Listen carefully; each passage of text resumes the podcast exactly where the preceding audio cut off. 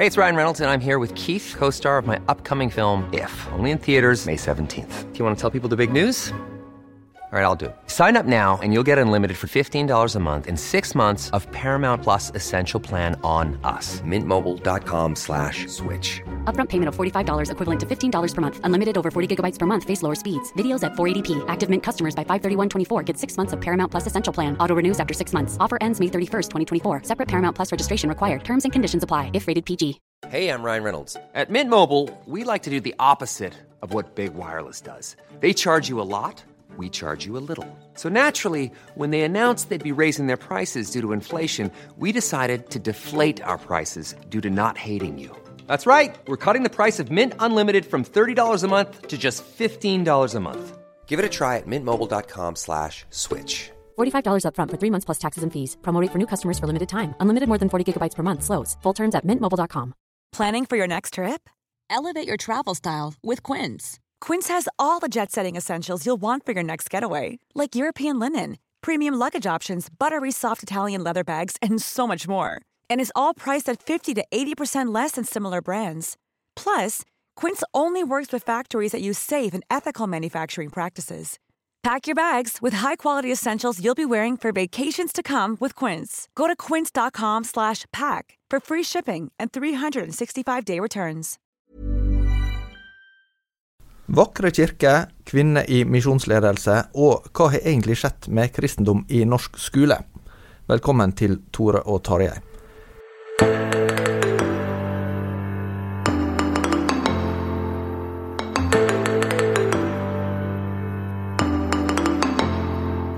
Det er mye som skjer for tida, Tarjei. Både i inn- og utland. Det er et godt tegn. Ja. Og det gir jo god hjelp til oss skal gi ut avis, da. Ja, det er fortsatt grunnlag Eh, for drift, vil jeg si. Om både det ene og det andre. Eh, I det siste har vi fått eh, mye oppmerksomhet rundt ei kåring som jeg vil understreke at det ikke er vi som har foreslått at vi skal Ja. foreta. Riktig. Eh, men vi, vi må likevel eh, kanskje unngå å forbigå den i stillhet. Eh, og dermed så, så må vi bare ta opp temaet. Det er rett og slett Norges styggeste kirke. Ja, det var jo til og med på Dagsrevyen nå her på onsdag kveld så jeg at Østre Porsgrunn fikk oppmerksomhet. Eh, en litt sånn morsom observasjon var jo at eh, man kan i hvert fall få et inntrykk av at hos en del som ikke går så ofte i kirken, så er man opptatt av at den skal helst se ut sånn som den i teorien alltid har sett ut, mens hos en del som bruker kirken en god del mer, så er man gjerne mer opptatt av funksjonalitet. Og de to hensynene er ikke alltid i takt med hverandre. Nei, jeg eh, ble faktisk døpt og konfirmert i ei kirke som brann da jeg var seint i tenåra. Den ble ikke satt på av satanister. Nei, nei, heldigvis ikke. Det var eh, tekniske eh, årsaker til det. Men eh, den ble jo gjenoppbygd i en, en sånn flott utgave, vil jeg si. De som kan besøke Herøy kirke, bør benytte anledninga til det hvis de er på, på Sunnmøre en gang. Men, eh, men eh, sånn sett så kjenner jeg jo litt til alle de følelsene og det engasjementet som kan, eh, kan være rundt ei kirkebygning. Det er også blant folk som ikke går her så mye. Og det er vel litt av det vi ser her med engasjementet rundt rundt kirken. Han Trygve Jorheim i KA, som er da Ja, hva er det forkortet for noe? Ja, Det var jo forkortet for Kirkens arbeidsgiverorganisasjon, og nå Ja. sier de vel at de er arbeidsgiverorganisasjon ja, for kirkelige ansatte, da, så det er jo, det er jo Ja. i, i vesentlige den funksjonen. Han skrev i hvert fall et innlegg her i avisa om at eh, ja vel, eh, eh, kirken er stygg, men det er vår stygge Mm, kirke. mm. Noe sånt. Eh, og, og det er jo litt av det eh, dilemmaet som ligger her, at, at eh, ganske mange kan oppleve det som eh, eh, Ja, estetikk er jo ikke bare knytt til eh, objektive eh, kriterier, men Sant. eh, til eh, erfaringer og opplevelser, og hva en er vant med å se rundt seg. Ja, og der er, det jo, der er det jo veldig forskjellige tradisjoner i, det, altså i ulike deler av kristen Norge. Sant? For det har jo vært noen av reaksjonene òg. Ja, men i alle dager, hvis dere skal drive og kåre stygge, stygge kirker, hva med bedehus og frikirkebygninger? Der kunne det jo kanskje være vanskeligere å finne noen som var fine. Ja, det er jo eh, til ettertanke, kanskje. eh, estetikken har jo eh, ikke alltid hatt så, så høgst prioritet, for å si det, det var jo litt artig, for Vårt Land-fotograf Erlend Berge laget jo denne boken den het 'Så jeg kjem snart', hva skjer det het? I 20, kan det ha vært 2017? Du husker sånt? Der han ja. tok, eh, tok bilde eh, av estetikken i bedehus rundt omkring. Og Det var jo bedehus som, som er mer eller mindre til forfall, i hvert fall der det ikke er så mye aktivitet lenger.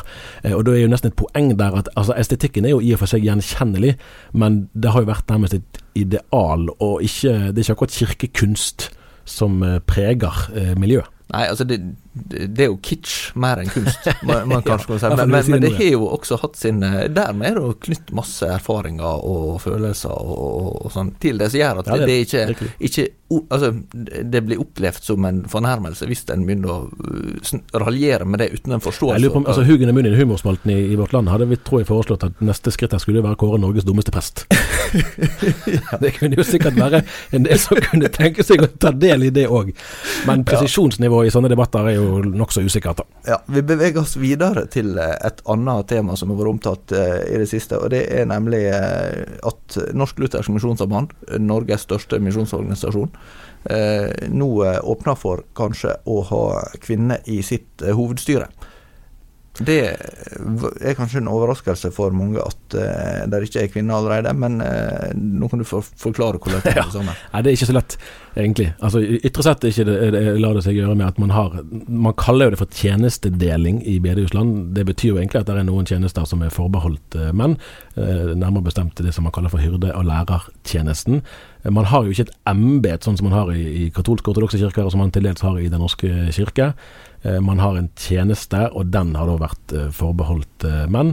I det som het DVI før, som nå heter IMF, altså Indremisjonsforbundet, Eh, Og òg forstår jeg i DELK, altså når det evangelisk-lutherske kirkesamfunn, eh, Norges eldste frikirke trossamfunn, så har man, så har man eh, ordnet dette ved at man har flyttet hyrde- og læreansvar, altså det åndelige lederskapsutøvelsen, ut av styret og inn i et eget organ, eller et eget forum, som da kun er for menn, mens man i selve hovedstyret har åpnet òg for kvinnelig deltakelse. I Misjonssambandet har man åpnet for åpnet man i 90-årene vel for kvinnelig stemmerett eh, på generalforsamlingen, eh, men ikke for kvinner i, i hovedstyret. Et litt sånn illustrerende eh, Det er nesten anekdotisk nå, men saken er jo at i 1999 vel, så hadde det som da het DVI, hadde dette oppe på generalforsamlingen. Det var flertall av kvinnelige delegater i generalforsamlingen, men de stemte da imot en tilsvarende en tilsvarende ordning. Sånn at her er det òg mange kvinner i bedehusland som ikke har ønsket eh, altså likestilling, da. eh, Og, og det er jo basert eh, på, på en, eh, en forståelse av at Bibelen tillegger eh, menn et bestemt læreansvar. Altså, Ja. Selvsikt kommer til uttrykk i pastoralbrevene og eh, første korinterbrev. Altså, ja, nå Ja vi- det, det, der er jo inne i ja. teologien, der er det forskjellige, forskjellige synspunkter. Det, det blir vel sagt at dette, dette regnes som å være en sånn tikkende bombe. Sant? At det er få som tør å ta det opp. Og nå, og nå Dette må opp på generalforsamling, eh, Ja. for det er forankret i grunnreglene. Sånn at det er en lang prosess egentlig for å få det endret.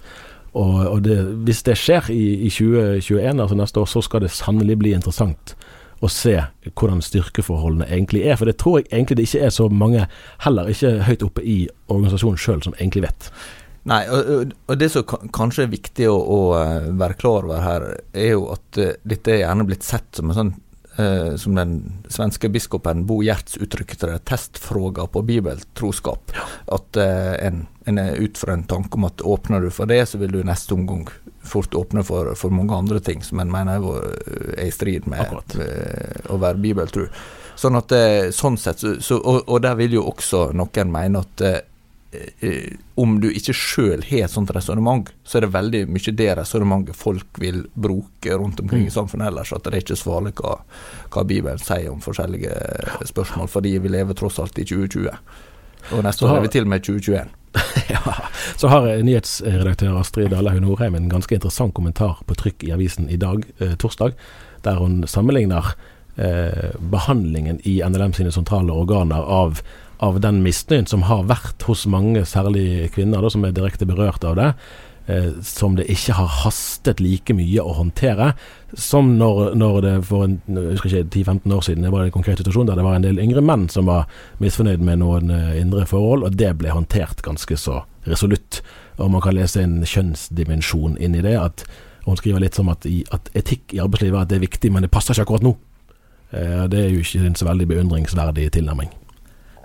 I dagens episode har vi besøk av eh, en gjest som har greie på ting som vi ikke har så mye greie på. Det, det kan jo ofte være en fordel. Veldig mange ting. Det er ganske mange ting. Eh, jeg har definert eh, journalistkompetansen omtrent som følger. En journalist har, eh, har greie på, på litt forskjellig, men ikke skikkelig peiling på noe som helst. Mm. Eh, og Derfor så er vi avhengig av å få folk utafra for å um, belyse ting når vi skal gå litt mer i uh, dybden. Og, og um, her er jo et tema som er veldig aktuelt eh, på, på flere måter, egentlig, i, i vår tid. Og det er rett og slett eh, livssyn eh, og kristendommen sin plass i eh, skoleverket. Akkurat.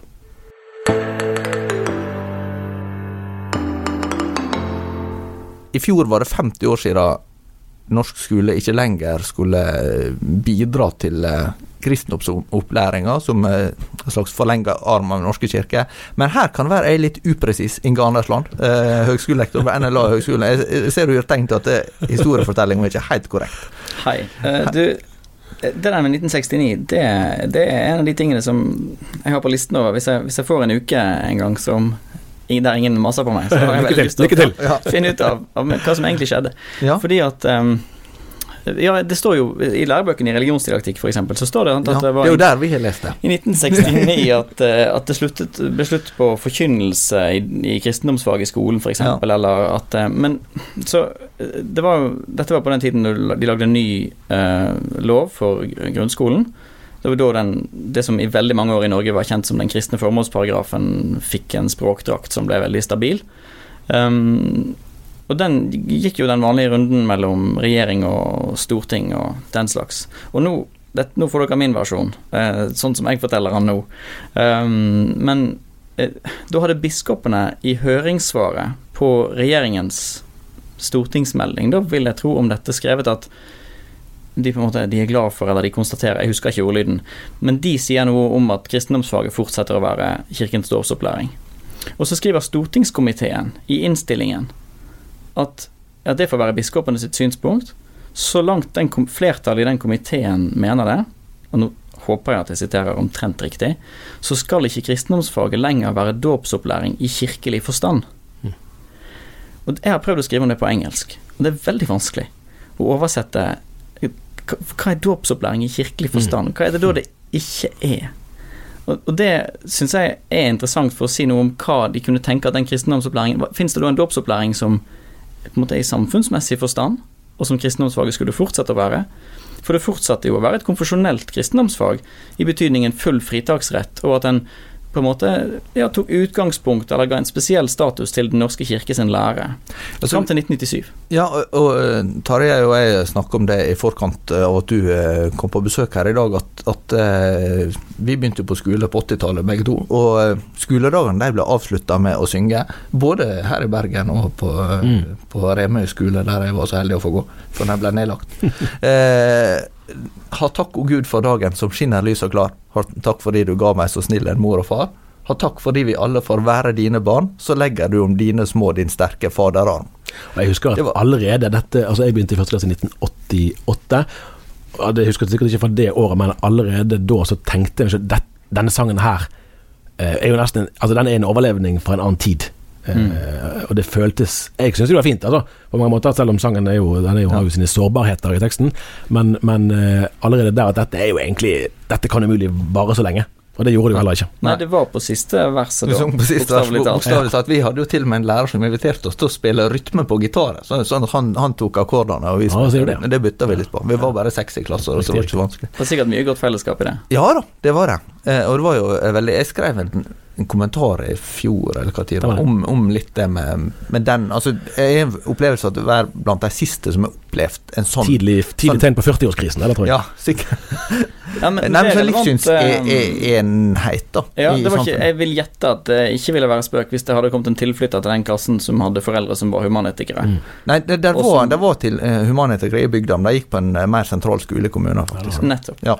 Kanskje flaks for de, jeg, jeg vet ikke. Men Ja. jeg tenker at det er jo den der, den der enhets... Det forsøket på å ha en enhetskultur, da, som en opprettholdt veldig lenge i Ja. Norge, gjorde det vanskelig å være minoritet for veldig mange forskjellige typer minoriteter. Eh, Det var, jeg husker jeg intervjua Jon Otto Johansen, eh, NRK sin eh, legendariske eh, utenriksreporter, som døde vel dessverre i fjor. Eller for. Ja, det, jeg tror det var fra fjor nå. Ja, eh, som eh, vokste opp som pinsevenn. Og, og der er det også fritak. Mm. Fra, eh, de var ikke med i, eh, kristendomsundervisninga da han gikk på, på 40-tallet på skolen. Men, men eh, situasjonen i dag, kan du si noe om det? For nå skal du jo sk- skulle få nye læreplaner. Ja. Kunnskapsløftet. Nei, nei, eh, nå snakker jeg feil. Beklager. Det var i Det 2006. 2006. Men så- Sku- det er det du Nei, det, er det skulle var Kunnskapsløftet skal nå ut. Dere avbrøt meg bare litt for tidlig. Unnskyld. Men nå skal vi få nye læreplaner. Hva, hva er det som skjer med livssyn, kristendom sin plass nå? Mm, den blir hovedsakelig opprettholdt. Og det er interessant i seg sjøl. Mm. At uh, sammenligna med Danmark og Sverige, så eh, I matematikken min iallfall så ser det ut som at eh, det norske KRLE-faget er omtrent dobbelt så stort så, altså i timetall Ja. som de danske eller svenske alternativene. Og den størrelsen holder de på i den nye læreplanrevisjonen. Men så skjer det jo en enorm endring i hva slags sjanger læreplanen skrives i.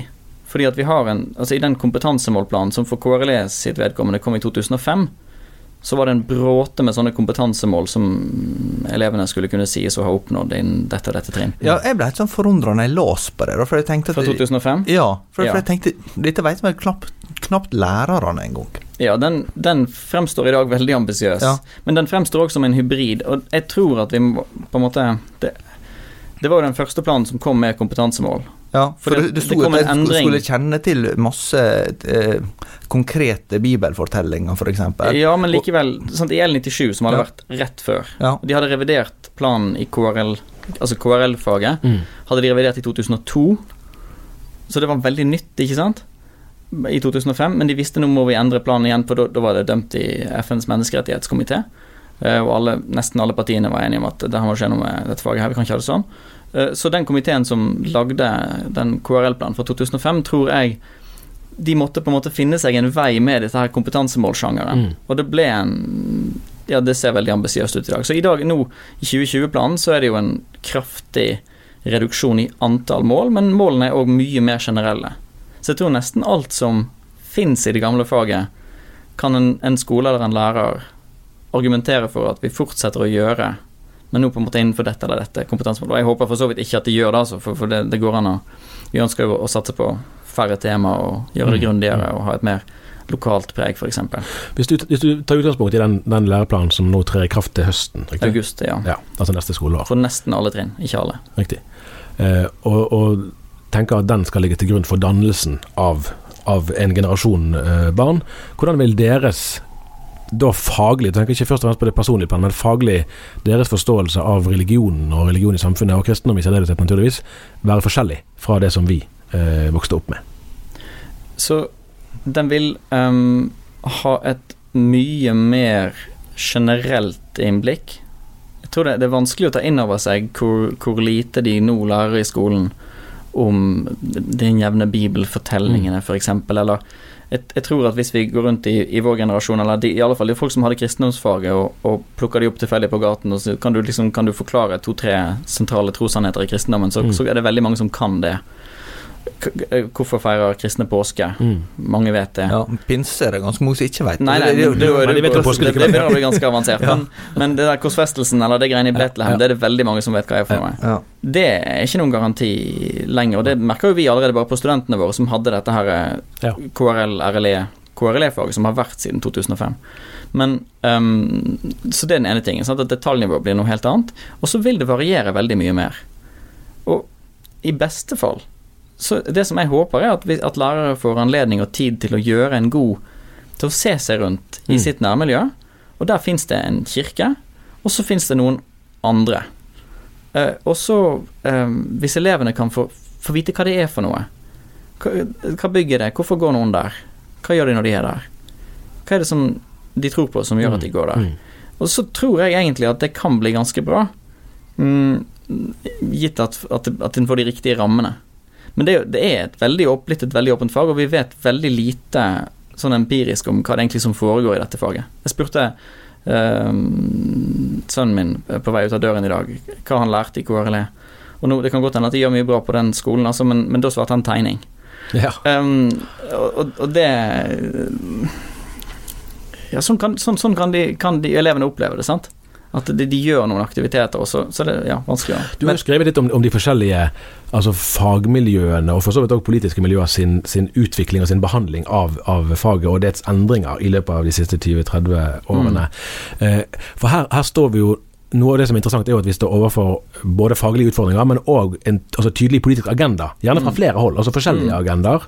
Så her er det mange som vil mye med dette faget. Som ikke nødvendigvis handler om pedagogiske øh, Nei. vurderinger, men mer om at de står for noe, ønsker at noe skal videreføres. Ja. Hvordan, altså, hvordan, hva, kan du si helt sånn kort om, om den spenningen nå som de som skal utforme læreplanen, står i?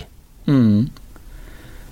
Um, jeg tror at uh, de opplevde nok ganske sånne sterke sånne pedagogiske føringer som handler om institusjonsnivå, altså Utdanningsdirektoratet eller uh, Kunnskapsdepartementet, og, som igjen sant, Det er noen internasjonale strømninger som sier noe om hva som er bra skole, og som en forholder seg til det. Men så ble det jo veldig konkret i Norge når regjeringen ble utvidet med Kristelig Folkeparti. Uh, og de gjorde De nevnte jo uh, KRLE-faget da i den nye regjeringserklæringen. Ja, Var ikke det i 2013, når, når det var etter valget? Det har vært flere runder. Så ja. altså, i, i, 2013 så bestemte de jo at K-en skulle på plass ja, igjen, og, og, og om lag halvparten ja, uh, kom inn igjen. Um, men det var òg når, når, KrF kom inn i regjeringen, mm. så tok de inn at kristendom uh, burde nevnes i kompetansemålene, okay. eller kristendommens plass i, i uh, mm. KRLE-faget i 2020 burde sikres. Mm. Så da kom det jo et, sånt, et, et tydelig signal til de om at ja, dette, dette har vi nå i regjeringserklæringen, hva gjør dere med det? Um, og så valgte de sin løsning på det. Som jeg for så vidt har kritisert, men, men det Ja, det, de, de, mente de landet det faglig. Så jeg tror egentlig at denne prosessen uh, har vært en av de der det Eller det har vært mange endringer i KRL og KRL og dette greiene de siste ja, 30 årene er det snart. Mm. Um, men um, dette er nok en av de mest faglig drevne endringene. Mm. Og så er det mer faglige ideologier, eller faglige posisjoner, som har stått bak f.eks. uenighet om den såkalte verdensreligionmodellen og mm. religionsbegrepet store endringer i. Men, men det, da er det faglig og ikke politisk. Men så er det men, noen politikere som er mer positive til det enn andre, da. Men når du sier faglig, så, så er vi jo i Norge, i og med at kristendommen har vært så dominerende som, som, som uh, uh, religion, mm. Eh, naturlig nok, kulturelt, og ikke minst i skoleverket. Det var jo hele begrunnelsen for at vi mm. fikk skole i utgangspunktet.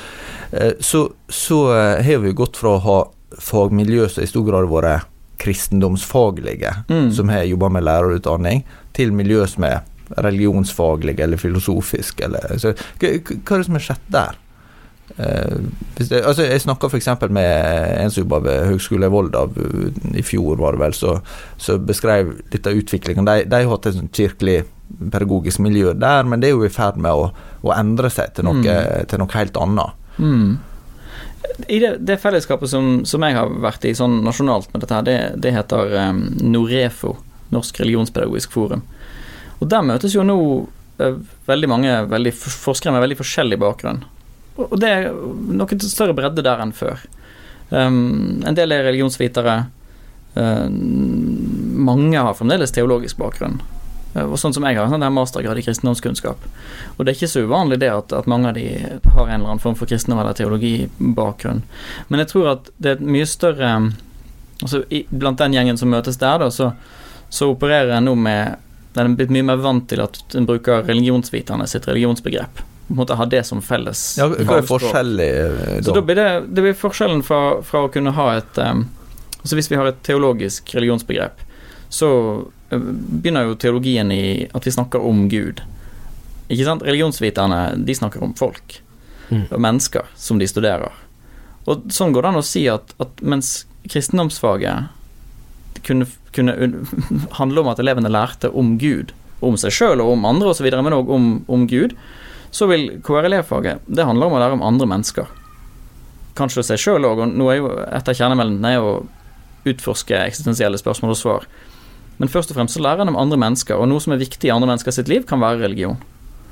Og derfor lærer vi om det. Kan, altså kan et, det er jo kanskje utopisk, men kan et uh, drømmescenarioet på en måte være at, uh, at med det blikket, da, at uh, hvis jeg tenker meg sjøl som en ikke-troende, at jeg trenger å lære om kristendom fordi det betyr mye for mange mennesker rundt meg, og Mm. har betydd mye for landet som jeg bor i, Uh, at jeg trenger i hvert fall å kunne noen ting om det.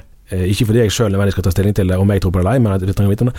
At man kan lære At du faktisk får flere som reelt lærer en del ting om hva kristendommen står for. Altså, jeg tror ikke vi på noen som helst måte kan forvente å oppnå måte, det samme nivået av kristendomskunnskap som i den egentlig kristne statsskolen som har vært i Norge så lenge. Mm. Sånn at det, det Så lenge vi sammenligner med den, så vil det alltid se ut som at norske elever kan ingenting om kristendom. Um, men eh, det hadde vært mer interessant å sammenligne det internasjonalt. Eh, hvor mye vet norske elever om kristendom sammenlignet med svenske, f.eks., eller med tyske? Men jeg spør likevel litt, litt for her er, jo, her er jo en haug med komponenter, og noen psykologiske. Sant? At, sånn som, når jeg tenker på min egen skoletid, Mm. at kristendom var jo et fag som det var helt greit å ta lett på. Ja. at Der fantes læreplaner med mål Mm. og, så videre, men det var ingen som eh, liksom var flau over å si at det faget bryr vi oss ikke noe særlig om. Mm. Eh, Og at der kanskje du kan Altså jeg skjønner det, det er optimistisk å tro at man skal lære mer enn man gjorde før når man hadde veldig mye mer omfattende ambisjoner, men, men at nå lærer man det, er ikke, det er virkelig ikke et forkynnende fag. Det kan jo Mm. være det fungerer som det noe sted likevel, altså. Men agendaen er veldig forskjellig, siktemålet er veldig forskjellig. Ja. Man lærer det fordi man trenger å kunne om det, Ja. ikke fordi noen skal prøve å kristne deg gjennom faget. Det er en veldig interessant eh, artikkel som kom ut fra av eh, Skal vi se eh, Hovdenak, tror jeg hun heter, Ja. som, som, som drev den frem. De, de skulle snakke med ungdommer på videregående i noen områder av Oslo med høy andel innvandrer, med innvandrerbakgrunn, om hva slags fag som er viktig i skolen. Og det var en, en, en om det var kunnskapssosiologisk eller pedagogisk undersøkelse eller noe, men de gikk bredt ut. Men det de fant, var at veldig mange av ungdommene sier at religion, ja, det er viktig. Det trenger vi. Oi, liksom. Um, og uh, så får vi jo se, det er alltid kjekt når noen syns at faget ditt er interessant, men en, en kunne jo kanskje se for seg at, at det handler om at de lever i en norsk virkelighet som der religion ofte blir tematisert enten som identitetskategori eller noe som har konfliktpotensial. Og så er det mange i Norge som ikke har det på den måten. Men kanskje det vil øke. Um, Men, men en vil jo gjerne spørre motsatt. Altså I et land som er blitt der eh, religion er såpass eh, lite Altså det er såpass få som praktiserer kristendom. Vi har jo en undersøkelse Mm. gående med hvem som går regelmessig i, i eh, til gudstjeneste. eh, Der vi har funnet forskjellige holdninger, altså hvordan det kristne stiller seg til, eh, til en masse spørsmål. Så, så snakker vi om sånn rundt 3% av befolkninga Mm. som er jevnlig til, eh, til kirke. mm, Og det vil si at 97% er ikke det. Ja. Eh, og, og dermed så, så eh, er jo praktisert kristendom noe som ganske få er, er også indirekte berøring med, kanskje. Ja, jeg tror jeg, jeg, ha, jeg har lyst til å ha med en mye større gjeng da i, i, i de Altså, jeg tror Sett utenfor så tror jeg det er veldig mange som ville sett på Norge som et veldig religiøst samfunn, Mm. siden så, det er så stor oppslutning om dåp, f.eks. Mm. Ja. Og ikke minst kirkelig begravelse. Mm. Står fjellstøtt. ja. I England er jo mye lavere andel. Ja, så, så, sånn at um, Det er liksom hva parametere en måler. Men um, Ja, det, det er vanskelig å, å på en måte få grep om samtiden, sant? Eh, For, for det, det, Sånn er det vel vanligvis. Ja, og, og eh, Nei, det, det blir fryktelig spennende altså, å se hva status eh, kunnskap om religion og kunnskap om kristendom vil fortsette. Jeg tror at mange av de store bevegelsene vi har sett de siste årene, og som dere òg snakker om i, i podkasten, med, med Trump og, og brexit og sånn, Det er mange mennesker i vår del av verden som kjemper med forholdet mellom lokal tilhørighet og lokal Mm. identitet, Mm. og et vi er et oss. Um, og det å eksistere i en sånn global informasjonssamfunn-tilværelse. Um, og at en del av det òg da kan være tilknytning og kunnskap og tilhørighet til en lokal kirke. Jeg, jeg, tror at det en, kan, vil være en veldig relevant ressurs, og at det er noe av engasjementet som kommer fram i disse stygge kirkesakene. da. At um, dette betyr noe. Um, men da er det noe, noe som Det kommer ikke frem med at de slår ikke ut på 'vi går i kirken hver søndag' eller noe. Det, det, det virker sikkert helt sprøtt for, for veldig mange i Norge, men, men eh, jeg vil anbefale det, da. Det er veldig, vi har veldig godt av det. Men eh, det eh, ja, Det utgangspunktet syns jeg er veldig spennende òg for KRLE-faget. Og det er et fag der som en en skal forholde seg til kristendom som kulturarv. Mm. Ikke bare for å tilegne seg den kulturarven, men for å, etter hvert som elevene blir større, òg for å prøve å forstå eller kritisere eller eh, ja, utforske hva det der kan bety. Da tror jeg vi sier at eh, det var det vi rakk i dag. Takk til eh, Inge Arnesland for at du var Jeg tror jeg må ta et spørsmål til slutt. Ja. Dette her er sånn som er gøy å snakke om. Ja. Du har tatt doktorgrad. Ja. Er ikke det sinnssykt kjedelig? Du, det, nei, det er et privilegium. Det er et helt fantastisk et eh, privilegium. Uh, unnskyld. Uh, Nei da, du svarte godt, altså. men det er veldig, uh, det er veldig slitsomt. Det, det må men, men det er bare for folk som har veldig, veldig lyst. Og stor tålmodighet. ja. Kanskje. Ja. Det var jo en som sa at han trodde han hadde hode til det, men ikke rumpe til det. Det var Gunnar Stålseth. Oh, ja. ja. Eh, Altså, han hadde ikke tålmodighet. Det var det som var Nei, poenget. nei, nei, det er jo eh, kanskje ikke journalister de som er best utrusta med heller. Det er sant, jeg, jeg vil bare ta en vits da til slutt, ser du forlenger programmet litt likevel. Det var altså en, eh, en eh, Jeg tror kanskje det er basert på en sånn historie, iallfall kan vi tenke det. Det var altså en eh, professor i medisin som hadde et foredrag, og en journalist var der for å skrive om det foredraget. Eh, og underveis så lurte han på hva i alle dager er det jeg hører nå, jeg forstår ingenting. Så eh, han var så heldig å, å se en annen professor i medisin som satt og hørte på, og han gikk og spurte vedkommende hva var det vi fikk høre nå. Så sa han eh, medisinprofessor da har ikke peiling. Vi får lese i avisa i morgen, så finner vi det nok ut. det var det vi rakk for i dag. Eh, stol på journalister. Vi Ja, det spørs. Det spørs. Men vi høres igjen neste uke. Det gjør vi. Takk, Takk for besøket.